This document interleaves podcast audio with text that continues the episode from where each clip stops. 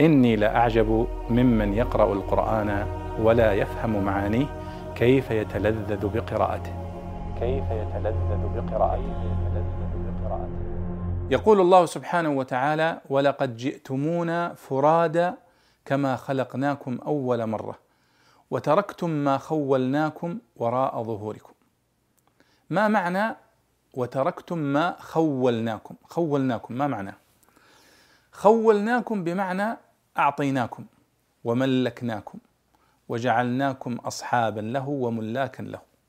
فكل ما يملكه الإنسان في هذه الدنيا من المال أو من العقار أو من كل ما من الأموال فإنها مما أعطاه الله إياه وخوله إياه.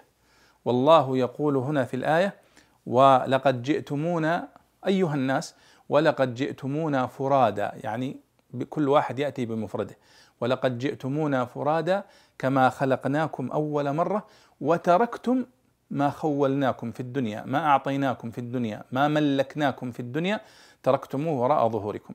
وحقا فإن المرء يموت ويدفن بكفنه فقط. ولا يبقى ولا يأخذ معه من أمواله شيء فلا يأخذ معه شيئا من أمواله ولا يأخذ شيئا من عقاراته ولا يأخذ شيئا من ذهب أو فضة وإنما يعود كما بدأ. فيأتي إلى الدنيا مولود ليس معه شيء ويخرج أيضا كذلك ليس معه إلا عمله. فالله هنا يقول وتركتم ما خولناكم وكل من أعطيته شيئا وملكته إياه فقد خولته إياه.